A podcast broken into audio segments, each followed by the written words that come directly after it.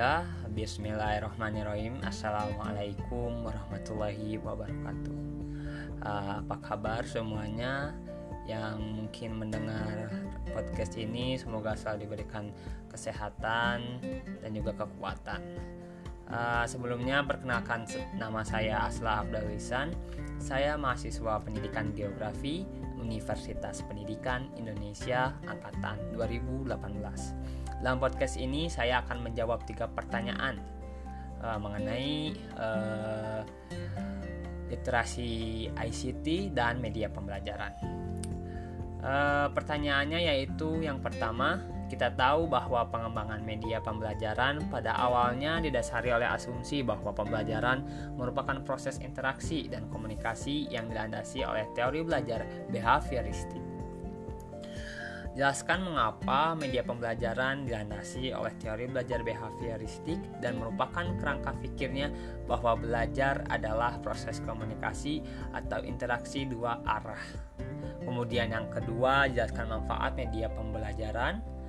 Kemudian yang ketiga, jelaskan efektivitas penggunaan media pembelajaran PowerPoint, infografis, video, dan animasi dalam pembelajaran geografi. Nah, dalam podcast kali ini, kita akan membahas terlebih dahulu mengenai literasi ICT dan media pembelajaran. Uh, mungkin di era digital saat ini, orang sudah tidak lagi awam dengan istilah ICT, atau yang mungkin kalau kita sebut itu TIK atau Teknologi Informasi. Uh, bahkan beberapa sekolah sudah memperkenalkan ICT sejak di bangku sekolah menengah atas atau SMA teknologi informasi dan komunikasi adalah payung, payung besar terminologi yang mencakup seluruh peralatan teknis untuk memproses dan menyampaikan informasi. Ah, seperti yang kita tahui bahwa eh, TIK mencakup dua aspek yaitu teknologi informasi dan teknologi komunikasi. Jadi pengertian luas dari teknologi informasi komunikasi atau TIK eh, yaitu segala kegiatan yang terkait dengan pemrosesan uh, pengelolaan pemindahan informasi antar media.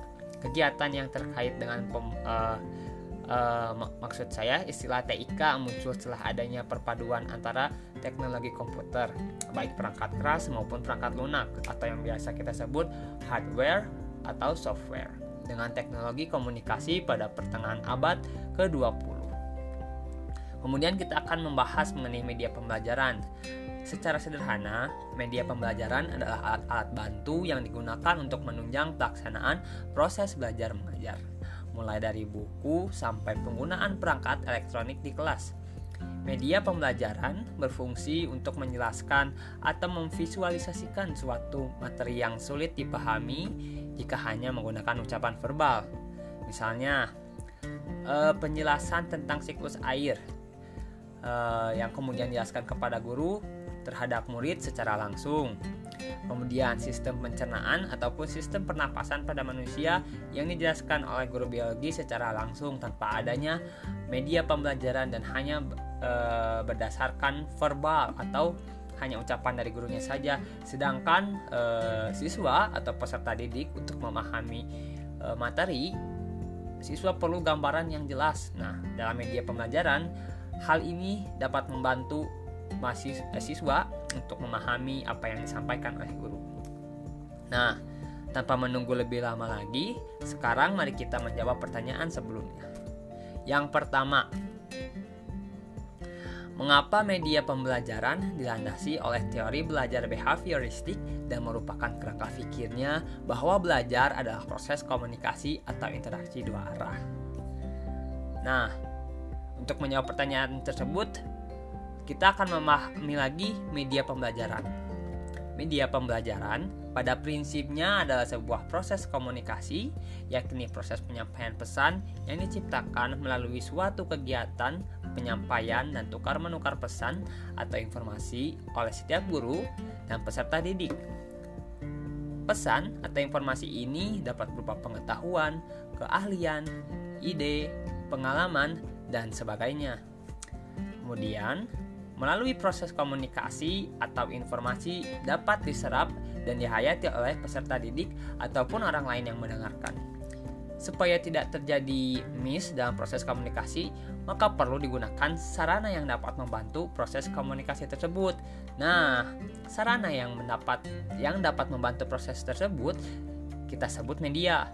Dalam proses belajar mengajar, media digunakan untuk memperlancar arus komunikasi belajar mengajar yang populer disebut media pembelajaran. Media pada dasarnya adalah suatu pesan Implikasinya sangat penting untuk memahami media apa yang terbaik untuk menyampaikan pesan.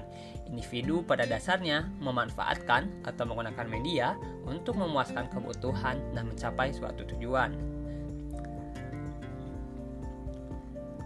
Nah, menurut Landberg dan Hulten pada tahun 1965 menyebutkan suatu uh, uses and gratification model atau model penggunaan dan kepuasan terhadap satu media di mana ada lima elemen pada model tersebut yakni audiens dianggap berperilaku aktif jika mereka menggunakan media berdasarkan tujuan tertentu. Kemudian kedua, dalam proses komunikasi massa, sebagian besar inisiatif dalam mengaitkan pemuasan kebutuhan, pencapaian tujuan, dan pemilihan media yang digunakan tergantung pada audiens. Kemudian yang ketiga, pada dasarnya media yang bersaing dengan hal-hal lain yang dapat menjadi sarana pemuas kebutuhan para audiens. Kemudian yang keempat, secara metodologis banyak tujuan dari penggunaan media yang dapat yang didapatkan dari sesama audiens secara individual. Beberapa studi menunjukkan bahwa audiens didapatkan sedikitnya tiga sumber yang berbeda dari suatu media, yakni media exposure, yang ditampilkan media dalam konteks sosial yang menggambarkan situasi dari exposure terhadap media lain yang berbeda. Nah, sehingga jika kita uh, simpulkan lagi lebih uh, sederhana, karena melalui proses komunikasi pesan, komunikasi pesan atau informasi, uh, media pembelajaran mempermudah proses komunikasi pesan dan informasi tersebut, sehingga pada dasarnya teori belajar behavior behavioristik itu mengacu pada hal-hal tersebut. Nah, sekarang kita langsung ke pertanyaan yang kedua. Jelaskan manfaat media dalam pembelajaran. Ya pasti ya untuk manfaat dalam media pembelajaran itu banyak sekali. Kita dapat menguraikannya dari A sampai Z atau bahkan ketika jika dari satu bahkan bisa sampai seribu manfaat yang bisa kita peroleh dari media pembelajaran. Sangat banyak sekali media yang eh, media media yang dapat menunjang pembelajaran. Nah sekarang kita mulai lagi dari dasarnya ya. Istilah media mula-mula dikenal dengan alat peraga kemudian dikenal dengan istilah audio visual aids atau alat bantu pandang atau dengar selanjutnya disebut instructional materials atau materi pembelajaran dan kini istilah yang lazim digunakan dalam dunia pendidikan nasional adalah instructional media atau media pendidikan atau media pembelajaran. Dalam perkembangannya, sekarang muncul istilah e-learning. Nah, huruf E ini pasti merupakan singkatan dari elektronik, artinya media pembelajaran berupa alat elektronik meliputi apa pun itu yang bersifatnya uh, menggunakan software dan hardware. Uh, menurut Levy and Lens pada tahun 1982 mengemukakan empat fungsi media pembelajaran khususnya media visual yaitu fungsi atensi uh, yang uh, bahwa media visual adalah merupakan inti yaitu menarik dan mengarahkan perhatian siswa untuk berkonsentrasi kepada isi pelajaran yang berkaitan dengan makna visual yang ditampilkan atau menyertai teks materi pelajaran. Seringkali pada awal pelajaran, siswa tidak tertarik dengan materi atau pelajaran yang disampaikan.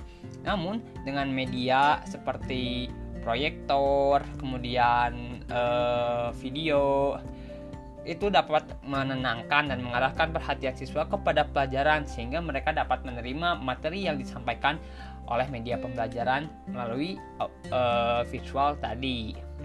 Kemudian lanjut ke fungsi afektif. Uh, media visual dapat terlihat dari tingkat kenikmatan siswa ketika belajar atau membaca teks yang bergambar. Gambar atau lambang visual dapat mengunggah menggugah emosi dan sikap afektif siswa, misalnya informasi yang menyangkut masalah sosial atau ras. Kemudian eh, mempunyai fungsi kognitif. Fungsi kognitif media visual terlihat dari teman-teman penelitian yang mengungkapkan bahwa lambang visual atau gambar memperlancar uh, pencapaian tujuan untuk memahami dan mengingat informasi atau pesan yang tergantung terkandung dalam gambar. Kemudian ada fungsi dan manfaat kompensatoris.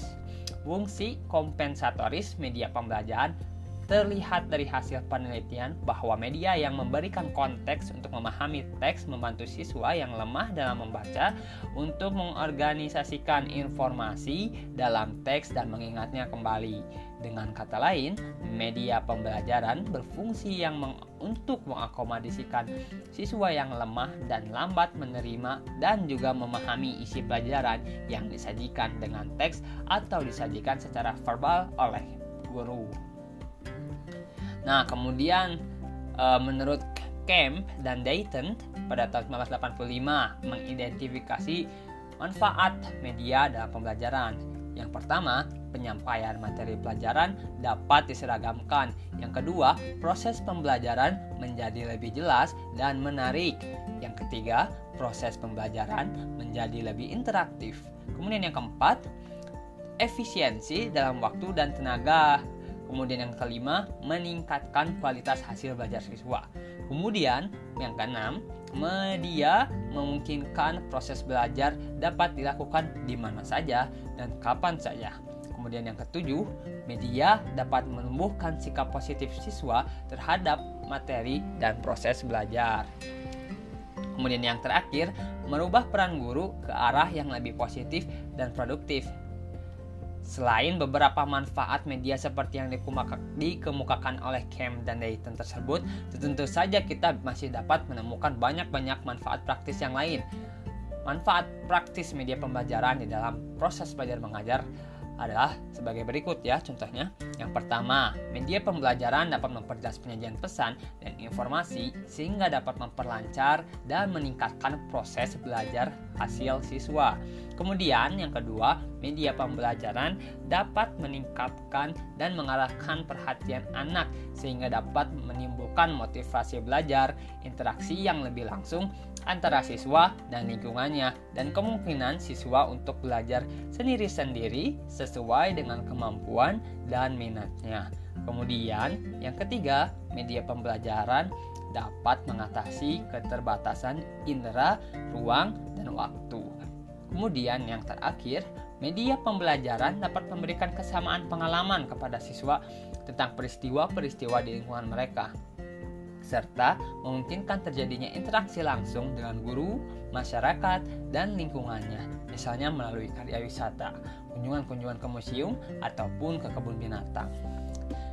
Nah, sekarang ke pertanyaan yang terakhir, yaitu pertanyaan ketiga uh, jelaskan efektivitas penggunaan media pembelajaran PowerPoint, infografis, video, dan animasi dalam pembelajaran geografi. Nah, sekarang kita akan membahas terlebih dahulu efektivitas penggunaan media pembelajaran. Efektivitas penggunaan media pembelajaran adalah suatu usaha sejauh mana usaha dalam pembelajaran dengan menggunakan alat bantu atau media dalam pencapaian suatu tujuan yang telah direncanakan. Misalnya, yaitu tujuan eh, indikator pencapaian eh, kompetisi siswa. Nah, menurut E. Mengutarakan efektivitas adalah bagaimana suatu organisasi berhasil mendapatkan dan memanfaatkan sumber daya dalam usaha mewujudkan tujuan operasional. Nah, efektivitas sering kali berkaitan erat dengan perbandingan antara tingkat pencapaian tujuan dengan rencana yang telah ditetapkan sebelumnya atau perbandingan hasil nyata dengan hasil yang direncanakan. Efektivitas dapat dijadikan alat ukur untuk mengukur keberhasilan pendidikan. Indikator yang dijadikan sebagai tolak ukur dalam menyatakan bahwa proses belajar mengajar dikatakan berhasil adalah jika daya serap terhadap mata materi pembelajaran yang diajarkan mencapai prestasi yang tinggi baik secara individual maupun kelompok yang ditetapkan dalam tujuan pengajaran. Dalam konteks ini, media pembelajaran yang digunakan yaitu PowerPoint, infografis, video, dan animasi dalam pembelajaran geografi. Dari banyak hasil penelitian mengenai media pembelajaran tersebut, kita dapat menyimpulkan bahwa rata-rata hasil belajar siswa yang diajar dengan menggunakan media pembelajaran cenderung meningkat. Nah, itu juga tergantung pada media pembelajaran. Jika media pembelajaran memiliki konten dan visual yang menarik, maka siswa mampu e, menyerap materi dan mampu menarik perhatian siswa sehingga men menumbuhkan motivasi belajar terhadap mahasiswa. Nah, berdasarkan uraian di atas dapat disimpulkan bahwa efektivitas dapat diuraikan sebagai suatu ukuran yang menyatakan seberapa jauh tindakan atau usaha sehingga mendatangkan hasil dan penilaian yang dilakukan untuk mengukur tingkat pencapaian tujuan pembelajaran.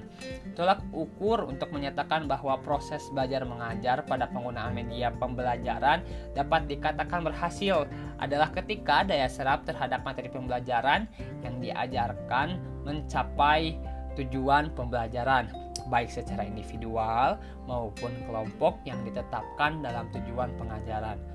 Nah, prestasi belajar yang ditetapkan atau tujuan pembelajaran yang ditetapkan baik secara individual maupun kelompok yaitu sesuai dengan kriteria ketuntasan minimal belajar siswa yaitu jika peserta didik mampu menyelesaikan menguasai indikator-indikator kompetisi atau mencapai tujuan pembelajaran sesuai dengan uh, penetapan tujuan pembelajaran di sekolahnya masing-masing.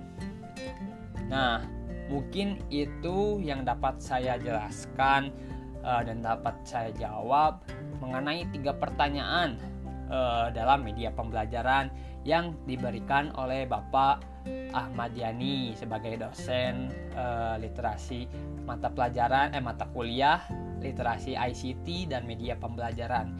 Semoga jawaban ini dapat memberikan manfaat kepada masyarakat, kepada guru, kepada peserta didik dan khususnya dapat membangun pendidikan Indonesia lebih maju ke depannya. Sekian mungkin dari saya. Wabillahi taufik wa hidayah. Wassalamualaikum warahmatullahi wabarakatuh.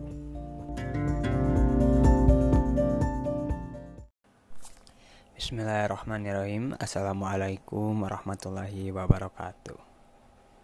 Apa kabar anak-anak semua yang Bapak cintai? Alhamdulillah pada kesempatan ini Bapak bisa membuat salah satu podcast untuk menyampaikan materi mengenai eh, dasar-dasar pemetaan, penginderaan jauh, dan juga sistem informasi geografi. Sebelumnya, uh, sebelum Bapak mulai pematerian melalui podcast ini, angka baiknya anak-anak semua untuk meluruskan niat untuk belajar lalu berdoa sebelum uh, podcast ini dimulai ya. Uh, Bapak pimpin doa sebelum memulai podcast ini. Semoga dapat memberikan ilmu yang manfaat. Amin Baik, tanpa menunggu lebih lama lagi, Bapak akan menyampaikan pematerian yang pertama, pematerian sekilas mengenai penginderaan jauh.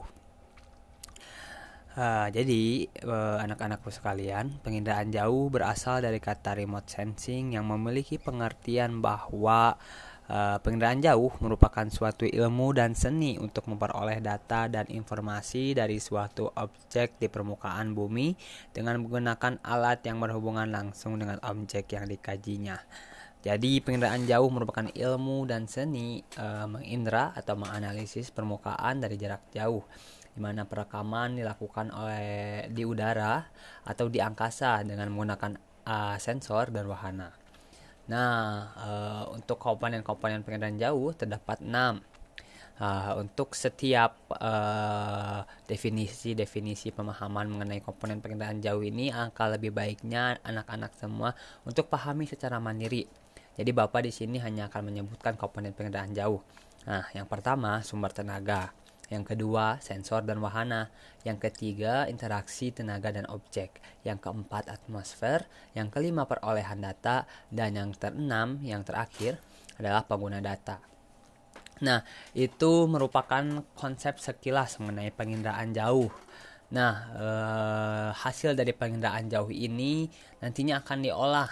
Nah, hasilnya tersebut disebut dengan citra. Nah, untuk melanjutkan pematerian selanjutnya yaitu mengenai citra.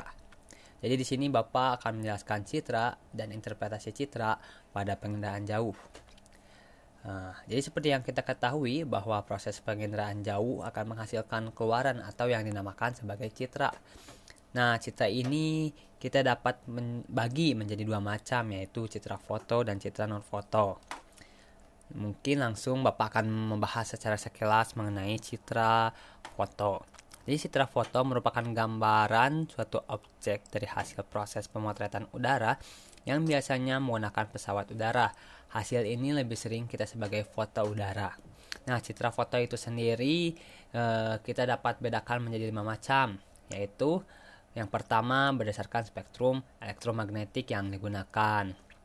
Nah, untuk spektrum elektro elektromagnetik yang digunakan ini uh, itu sendiri dibagi menjadi tiga macam, yaitu foto ultraviolet, foto ortokromatik, foto pankromatik. Nah, yang kedua, berdasarkan arah sumbu kamera di permukaan bumi. Nah, berdasarkan arah sumbu kamera ini dibagi menjadi dua macam, yaitu foto tegak dan foto e, miring. Kemudian yang ketiga, citra foto berdasarkan jenis kamera yang digunakan. Berdasarkan jenis kamera yang digunakan, citra foto dapat dibedakan menjadi dua macam, yaitu foto tunggal dan foto jamak. Kemudian yang keempat, berdasarkan warna yang digunakan. Nah, berdasarkan warna yang digunakan, citra foto ini menjadi dibagi menjadi dua, yaitu foto berwarna semu dan foto berwarna asli. Nah, kemudian yang terakhir yang kelima yaitu citra foto berdasarkan wahana yang digunakan. Uh, untuk berdasarkan wahana yang digunakan, digunakan ini uh, terdapat dua foto, uh, dua jenis yaitu foto udara, kemudian foto satelit. Nah, mungkin untuk lebih lanjutnya mengenai konsep jenis-jenis uh, citra foto dapat anak-anak pahami secara mandiri kembali karena pada dasarnya kalau kita belajar secara mandiri, kemudian kita dapat memahaminya secara otodidak. Nah, untuk pertanyaan-pertanyaan boleh bertanyakan saja ke papa ke bapak melalui Google Classroom. Nah, untuk selanjutnya yaitu citra non foto. Citra non foto merupakan citra yang diambil menggunakan sensor, biasanya menggunakan satelit. Dan istilah yang dikenal itu e, citra satelit. Nah, citra non foto dapat dibedakan menjadi tiga jenis. Nah, itu yang pertama, berdasarkan spektrum elektromagnetik. Berdasarkan spektrum elektromagnetik yang digunakan, citra non-foto dapat dibedakan menjadi dua macam, yaitu yang pertama, yang uh, citra inframerah termal atau merupakan citra yang dibuat dengan spektrum inframerah termal. Nah, kemudian citra radar dan citra gelombang yang merupakan citra dibuat dengan spektrum gelombang mikro. Nah, kemudian yang kedua itu citra non-foto berdasarkan sensor yang digunakan. Nah, untuk citra foto non foto yang berdasarkan sensor yang digunakan ini kita dapat e, bedakan menjadi dua macam. Yang pertama citra tunggal dan yang kedua citra multispektral. Nah, kemudian e, yang terakhir itu citra non foto berdasarkan wahana yang digunakan. Berdasarkan wahana yang digunakan, citra non foto dapat dibedakan menjadi dua macam yaitu citra dirgantara atau airborne image dan kemudian yang kedua yaitu citra satelit atau satellite atau spaceborne image. Nah, untuk citra satelit ini e, punya beberapa macam. Yang pertama, e, citra beberapa macam dan fungsi. Yang pertama itu citra satelit untuk penginderaan planet, untuk penginderaan cuaca, untuk penginderaan sumber daya bumi dan yang terakhir untuk penginderaan laut. Nah, teman-teman, itu mungkin secara singkat dan kilas mengenai eh, konsep-konsep dasar pada citra. Nah, setelah kita memahami mengenai citra, nah kita akan membahas uh, lebih lanjut bagaimana cara menginterpretasi citra. Jadi, interpretasi citra uh, gambar atau foto uh, adalah suatu kegiatan menganalisis foto yang dihasilkan dari uh, suatu alat dengan tujuan untuk mengidentifikasi uh, suatu objek dan peran dari objek tersebut. Jadi pada dasarnya kita ini akan memahami uh, dan akan menjelaskan uh, apa sih yang nampak pada citra tersebut. Karena hal ini biasanya mengacu pada penggunaan di dalam penginderaan jarak jauh. Uh, dalam menginterpretasi suatu citra hasil penginderaan, ada beberapa hal yang perlu diperhatikan. Nah, uh, yang pertama itu ada unsur unsur citranya itu ada sekitar 7 ya. Yang pertama itu rona, kemudian warna, kemudian tekstur, ukuran, pola, bentuk, situs, bayangan, asosiasi dan konvergensi bukti. Nah, uh, uh, untuk unsur-unsur ini yang dapat menjadi kunci kita untuk memahami uh, apa sih yang nampak pada suatu citra. Nah, mungkin itu sekilas uh, konsep dasarnya. Nah, untuk konsep lebih lanjutnya, anak-anak semua bisa mengimplementasikan uh, dengan menginterpretasi interpretasi citra secara praktek langsung uh, menggunakan peta ataupun citra itu sendiri. Uh, kemudian uh, selanjutnya itu kita akan membahas mengenai manfaat penginderaan jauh. Nah, setelah kita memahami konsep uh, apa itu penginderaan jauh secara dasar, kemudian apa itu citra dan kemudian apa itu interpretasi citra, kita sekarang akan memahami lebih lanjut uh, apa sih manfaatnya. Nah, manfaatnya itu ada banyak. Yang pertama, di bidang kelautan. Nah, bidang kelautan ini memiliki manfaat untuk pengamatan sifat fisik air laut, untuk pengamatan pasang surut air dan gelombang laut. Uh, kemudian pemetaan, perubahan pantai, abrasi, sedimentasi dan lain-lain. Masih banyak lainnya ya. Uh, kemudian ada manfaat di bidang hidrologi, ada untuk pemanfaatan daerah aliran sungai dan konservasi sungai, ada untuk pemetaan sungai dan studi sedimentasi sungai, dan pemanfaatan luas daerah dan intensitas banjir, dan masih banyak lainnya. Kemudian ada manfaatnya di bidang geologi, yaitu contohnya itu menentukan struktur geologi dan berbagai macamnya. Kemudian pemantauan daerah bencana seperti uh, debu vulkanik gunung meletus ataupun uh, apa pun yang nampak uh, mengenai bencana geologi. Nah, kemudian kita dapat mengeksplorasi uh, untuk mengidentifikasi distribusi sumber daya alam. Nah kemudian masih banyak lainnya pada bidang geologi Nah, kemudian kita lanjut saja eh, langsung kepada manfaatnya di bidang meteorologi dan klimatologi. Nah, eh, penginderaan jauh memiliki manfaat atau fungsi untuk membantu analisis cuaca dengan menggunakan daerah tekanan rendah dan daerah bertekanan tinggi, daerah hujan, dan badai siklon. Ini dengan bantuan uh, satelit uh, dan bantuan penginderaan jauh, uh, kita dapat memahami atau bahkan kita bisa memprediksi uh, seperti apa cuaca ke depannya. Kemudian kita dapat memahami apa uh, misalnya apa saja potensi uh, anomali iklim yang dapat terjadi melalui analisis dari uh, pengolahan pengendaraan jauh. Nah, kemudian ada juga manfaat di bidang oceanografi uh, sama seperti tadi ada pengamatan sifat fisik air, pengamatan pasang surut, kemudian mencari distribusi suhu permukaan dan masih banyak lainnya.